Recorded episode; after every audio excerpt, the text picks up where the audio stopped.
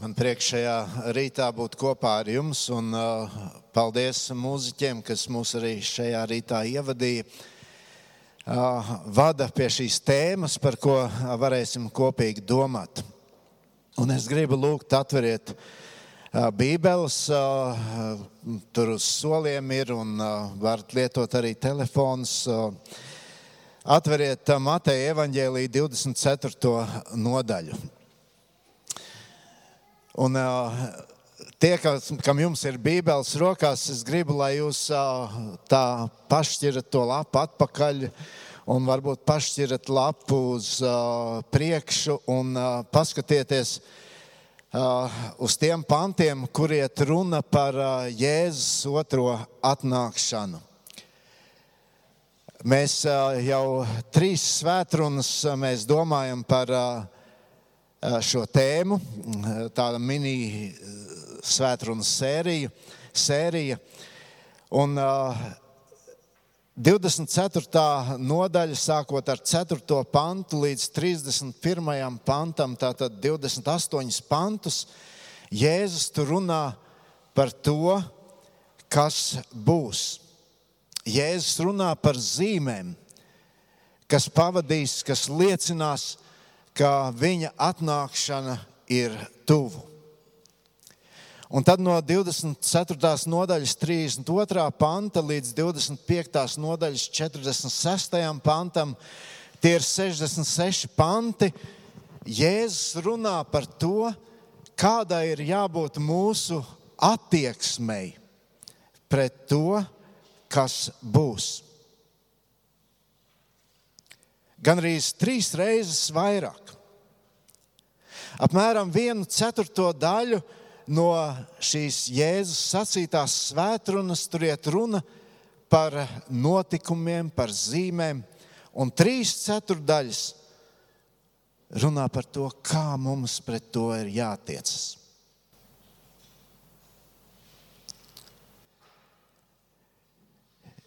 Ir daudz un dažādi uzskati par šo notikumu. Un mēs varam, un teologi strīdās par to, kādā kārtībā tas notiks. Viņi diskutē. Bet, kad es visu, par visu to tā domāju, tad man liekas, kas tad ir tas svarīgākais, ko Jēzus ir gribējis pateikt, sakot šos vārdus. Un svarīgākais noteikti ir tas, kā man būt gatavam šim brīdim? Kā man būt gatavam tam, ko visa pasaule redzēs?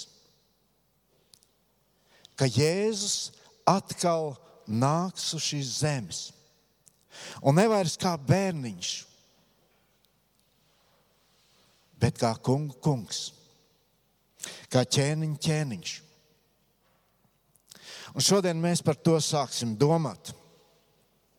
Atcerieties, kas uh, nākat uz šo draugu, tad uh, Jēzus šajā svētrunā, svētrunā atbild uz diviem jautājumiem. Kā tas notiks un kad tas notiks?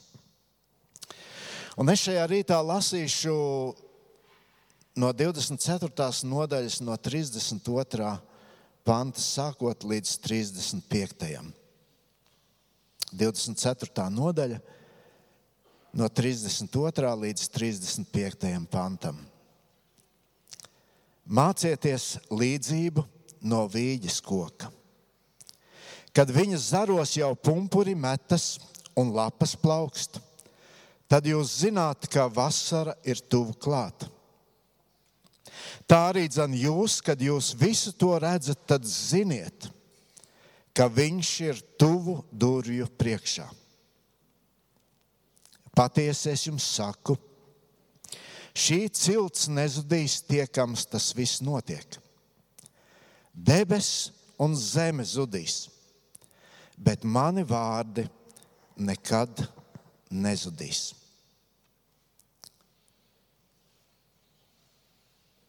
Jēzus saka ļoti skaidri, tas notiks. Jūs redzēsiet ka šī diena tuvojas.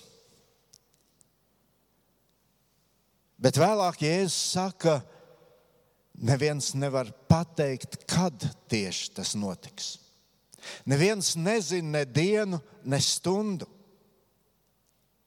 Un ja mēs lasītu šos pantus tālāk, tad tur mēs redzētu, ka neskatoties uz visām zīmēm, tomēr lielākā daļa cilvēku visu to ignorēs. Un tā ir cilvēces traģēdija. Ka neskatoties uz visiem un acīm redzamiem faktiem, kas liecina, ka Jēzus atnākšana ir tuvu, cilvēki turpina dzīvot tā, it kā šis notikums nekad nenotiks. Cilvēki tik ļoti fokusējās tikai uz šo zemišķo dzīvi.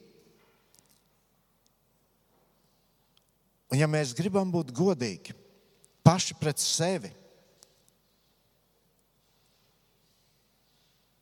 tad droši vien arī mēs visi maz un reti domājam par mūžību ka mēs maz un reti reāli sakam, es gaidu. Es gaidu Kristus atkal atnākšanu. Varbūt tas notiek brīžos, kad mēs sastopamies ar kādām grūtām, smagām situācijām dzīvē. Es nezinu, vai Kristīna par to aizdomājās, kad viņa stāstīja savu stāstu. Bet bieži vien tādās situācijās cilvēki par to sāk domāt. Tad, kad tu piedzīvo bankrotu savā biznesā, tad tu sāc domāt, nu ir pasaules gals.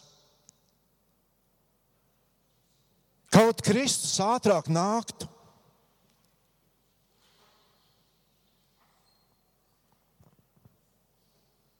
Citādi jau reti par to aizdomājamies. Un es domāju, ka tieši tāpēc arī Jēzus lielāko daļu no šīs savas runas, no šīs savas svētrunas veltīja tam, kā tad mums ir jātiecas pret šo notikumu. Un Jēzus to dara caur līdzībām. Šodien aplūkosim pirmo, ko mēs jau tikko lasījām, un tas ir stāsts par vīģes koku. Un tā pirmā lieta, ko Jēzus ar, šo, ar šiem vārdiem grib pateikt, Jēzus saka, mana atnākšana ir reāla. Jēzus par to runā ļoti interesantā veidā, ar vienkāršu analoģiju. Un to viņš dara tāpēc, ka jau tad, un joprojām tagad, cilvēki ir diezgan skeptiski pret to, ka tāds notikums notiks. Ka Jēzus atkal nāks. Cilvēki ir diezgan skeptiski vispār pret pasaules galu. Un cilvēki šo, arī šodien, kad uh, Daudzas zīmes par to liecina, un nekas nenotiek. Tur atrodas cilvēki, kas saka, visādi pareģi, tad būs pasaules gals, tad būs pasaules gals. Cilvēki pie tā pierod un uz, sāk uzskatīt to par kaut ko līdzīgu grieķu mitoloģijai. Un domā, nu, tas, jau, tas jau nekādā veidā mūs neskars. Bet šeit Jēzus rāda ļoti stiprus un svarīgus argumentus par to, ka viņa atkal atnākšana ir reāla. Un viņa atnākšanas zīmes norāda, ka šis brīdis nav tālu. Mācieties, mācieties līdzību no vīģes koka kad viņa zaros jau pumpuri metas un lapas plaukst, tad jūs zināt, ka vasara ir tuvu klāta. Tā arī dzen jūs, kad jūs visu to redzat, tad ziniet, ka viņš ir tuvu durvju priekšā. Un, lai iemācītu mācekļiem un šodien mums šo pareizo attieksmi pret Jēzus otro atnākšanu, Jēzus izmanto šo saprotamo veidu. Jo tajā laikā ik viens bija saprata, kas notiek ar šo koku. Tas ir Jēzus princips. Viņš skaidro nesaprotamas lietas ar zināmiem faktiem.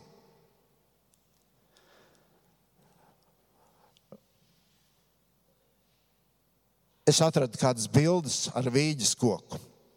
Varbūt mēs varam redzēt, ka tas ir diezgan liels koks un uh, ilgi audzis. Bet uh, tajās zemēs, kur šie koki auga, tos neaudzē tikai lai baudītu vīģes augļus vai vīģes ogas, bet uh, izmanto šo koku, lai varētu paslēpties arī no karstās saules. Bet vīģes koks atšķirībā no citiem kokiem, uh, kuri arī nomet lapas rudenī, Bet pavasarī šis koks uzplaukst no jauna, bet tas notiek savādāk kā citiem. Un uh, tad tur ir nākošā bilde, kur mēs redzam, ka sākumā uz zariem parādās augļu aizmetņi un paši augļi. Lapas vēl nav. Tas parasti notiek kaut kur februārī, marta sākumā. Un tikai tad, kad šie augļi jau ir sākuši augt, tad parādās lapas. Lapas parādās pirms vasaras iestāšanās, kaut kur maija beigās. Cilvēki lietoja vīģes uzturā. Kaut gan šie augļi ir interesanti, ja tu viņu nogatavojies un tu viņus norauj no koka, viņus svaigā veidā var saglabāt ļoti īsu laiku. Tāpēc varbūt pie mums reti tie ir dabūjami. Pēc tam viņus žāvē, tad tos, tā, šos augļus var saglabāt ilgāku laiku. Bet Jēzus stāstot šo līdzību, zināja, ko viņš saka.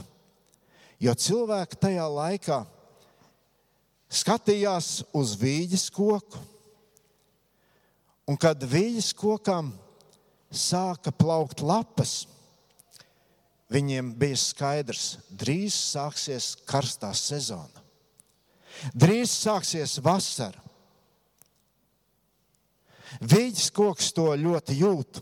Un Jēzus runā par šīm lietām, kas tajā laikā visiem bija saprotams, un es domāju, mums arī varbūt kļūt nedaudz saprotamāk.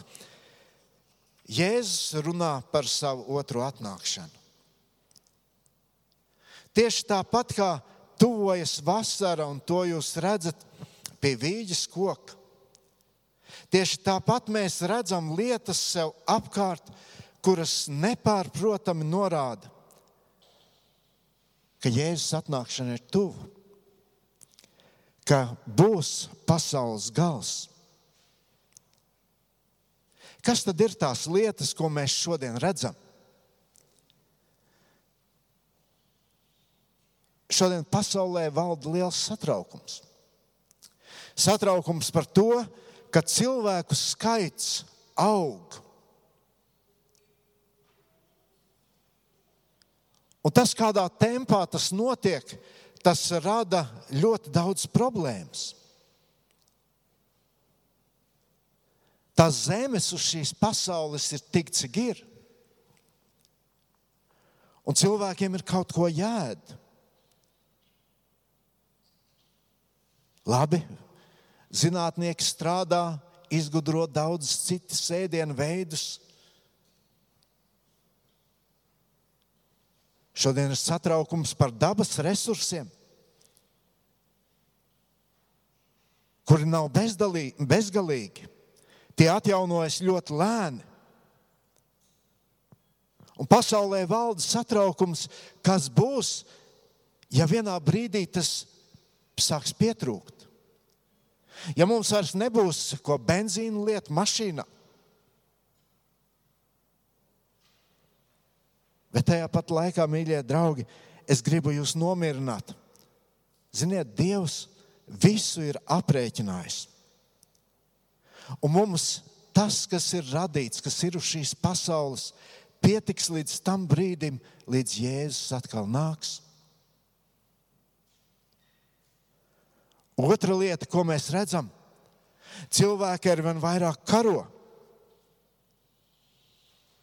Militārā rūpniecība valstīm nes milzīgu peļņu. Un bieži vien ieroči nonāk tādu cilvēku rokā, rokās, kurus tiem pat tūmā nevar laist.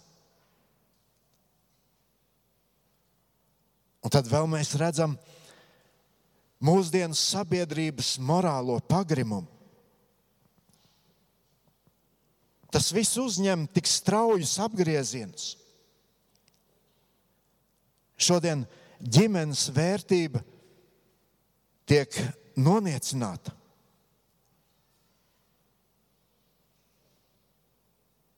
Tas viss mūs ved pretī iznīcībai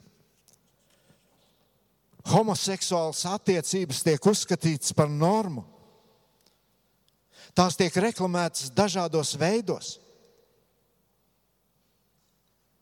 Un mēs varētu turpināt vēl un vēl. Es pieminēju tikai trīs lietas, kas mums liek domāt un vērst uzmanību uz to, tas laiks tuvojas.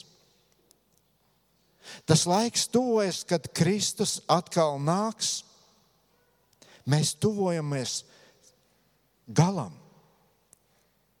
Un Jēzus saka, paskatieties uz vīģes koku un redzat, ka pumpuri metas un lapas plaukst. Tad jūs zināt, vasara ir tuvu. Tieši tāpat skatieties uz to, kas notiek pasaulē, kas notiek sabiedrībā. Un jūs zināsiet, ka tam, kas, kam jānotiek, tas notiks. Otra lieta, ko Jēzus uzsver šajā līdzībā, viņš saka, mana atnākšana ir ticama. Tas, kas notiek ar vījas koku, rāda, ka drīz būs vasara. Bet nekādā gadījumā vīģes koks nepasaka, kurā datumā šī vasara sāksies vai cikos tā sāksies. Tajās vīģes koka lapās nav šīs informācijas. Jēzus saka, ka tā ir ticama zīme, ka vasara drīz sāksies bet tur nekādā gadījumā nav precīzas detaļas. Mācieties līdzību no vīģes koka. Kad viņa zaros jau pumpuri metas un lapas plaukst, tad jūs zināt, ka vasara ir tuvu klāt. Tā arī dzen jūs, kad visu to redzat, tad ziniet, ka viņš ir tuvu durvju priekšā akcents, uz ko Jēzus liek uzsvaru šajos vārdos, kad jūs redzat vīģes koku lapas plaukstam, tad jūs zināt. Visiem ir skaidrs, ka vasara ir tuvu. Un tad, kad jūs visu to, kas notiek apkārt, redzat, Jēzus saka, tad ziniet, ka šis brīdis ir tuvu, ka viņš ir durvju priekšā. Bet interesanti, ka vēlāk, tur 36. pantā, Jēzus pasaka, kaut ko ļoti svarīgu. Viņš saka, arī datums ir zināms. Bet tikai un vienīgi tēvam. Dievs jau to ir noteicis. Bet viņa lēmums ir, ka to neviens cits nezinās. Jēzus atnākšana. Tā var notikt jebkurā brīdī. Un Dievs negrib, lai par mūžību domātu tikai cilvēki, kur dzīvos tuvu tam laikam. Dievs grib, lai par mūžību domātu visi cilvēki. Apostoli domāja par mūžību. Viņi mudināja citus domāt. Bet, kad mēs par visu to domājam, tad vienu mēs varam teikt droši, ka mūsu paudze ir tuvāk Kristus atkal atnākšanai nekā tie, kas bija pirms mums. Paklausieties, ko apustulis Pāvils saka. Viņš raksta romiešiem 13, 11. To dariet saprastami šo laiku, ka jums pienākusi stunda celties no miega. Jo tagad mūsu pestīšana ir tuvāk nekā toreiz, kad kļuvām ticīgi. Un, brāļi, māsas, tas ir aicinājums mums katram. Dzīvojiet tā, lai kuru katru brīdi tu varētu satikties ar Kristu. Un redzot to, kas notiek mums visapkārt, mūsu skatienam ir jābūt vērstam uz debesīm. Tā dzīvoja arī pirmie kristieši. Pāvils raksta Filipiešiem 3:20.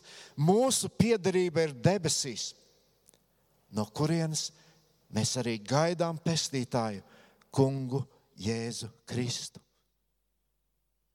Viņi jau gaidīja. Viņi toreiz jau dzīvoja ar šo fokusu uz debesīm. Vai mēs šodien arī?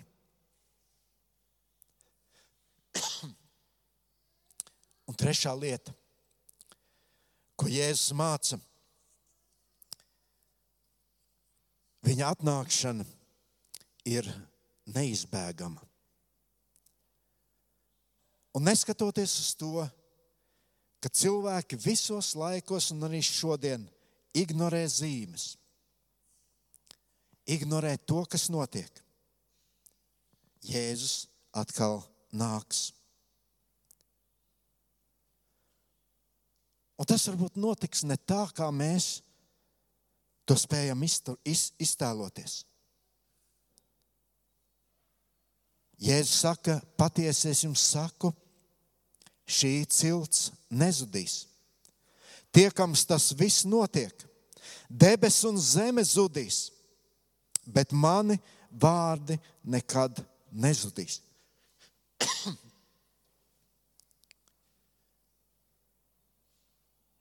Tas, ko mēs redzam, tas, kas varbūt mums šodien liekas tik saprotams, tik dārgs, tas zudīs.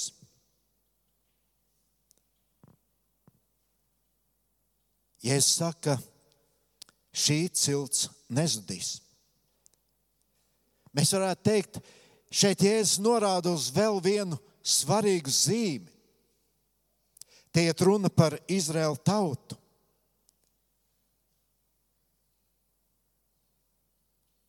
Un, kad mēs vērojam to, kas notiek ar šo tautu, kur pasaulē tik daudz nācijas ir iznīkušas, un šodien mēs satraucamies par latviešu tautu, bet tāpat laikā, ko tikai nav piedzīvojusi Izraēla tauta.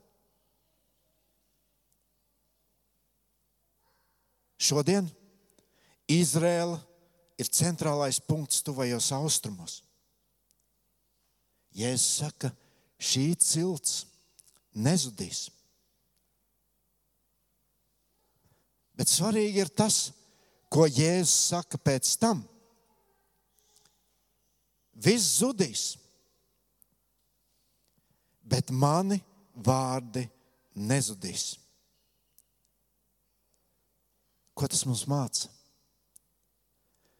Tas mums saka, tas labākais, uz ko tu vari balstīt savu, savu dzīvi un zināt, ka tas tevi nepievils, ir Dieva vārds.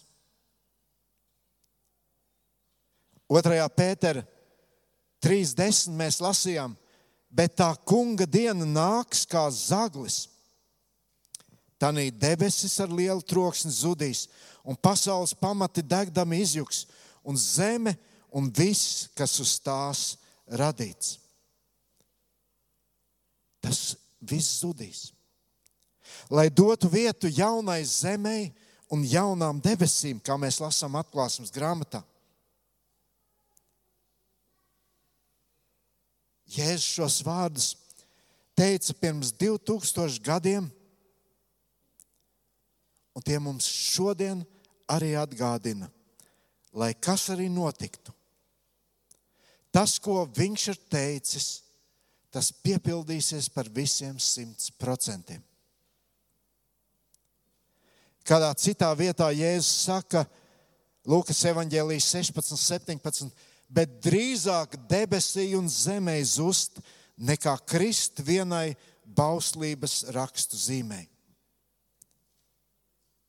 Nav iespējams, ka tas, kas rakstīts Dieva vārdā, nepiepildītos. Un Jāņa evanģēlijas 10.35 saka, ka raksti nevar tikt atcelti.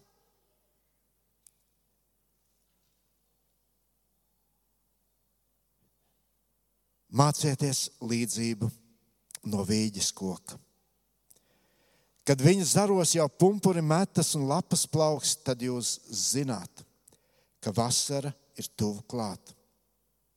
Tā arī dzen jūs, kad jūs visu to redzat, tad ziniet, ka viņš ir tuvu durvju priekšā. Tad ziniet, un zinot, ka Kristus atnākšana ir tuvu.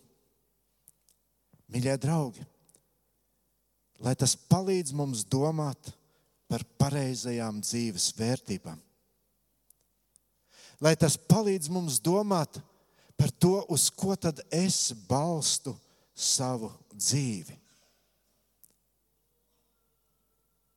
Vai to, ko es daru savā ikdienā, vai to, ko es daru, kad es sastopos ar cilvēkiem, vai tad, kad es esmu viens, vai to es daru mūžības perspektīvā.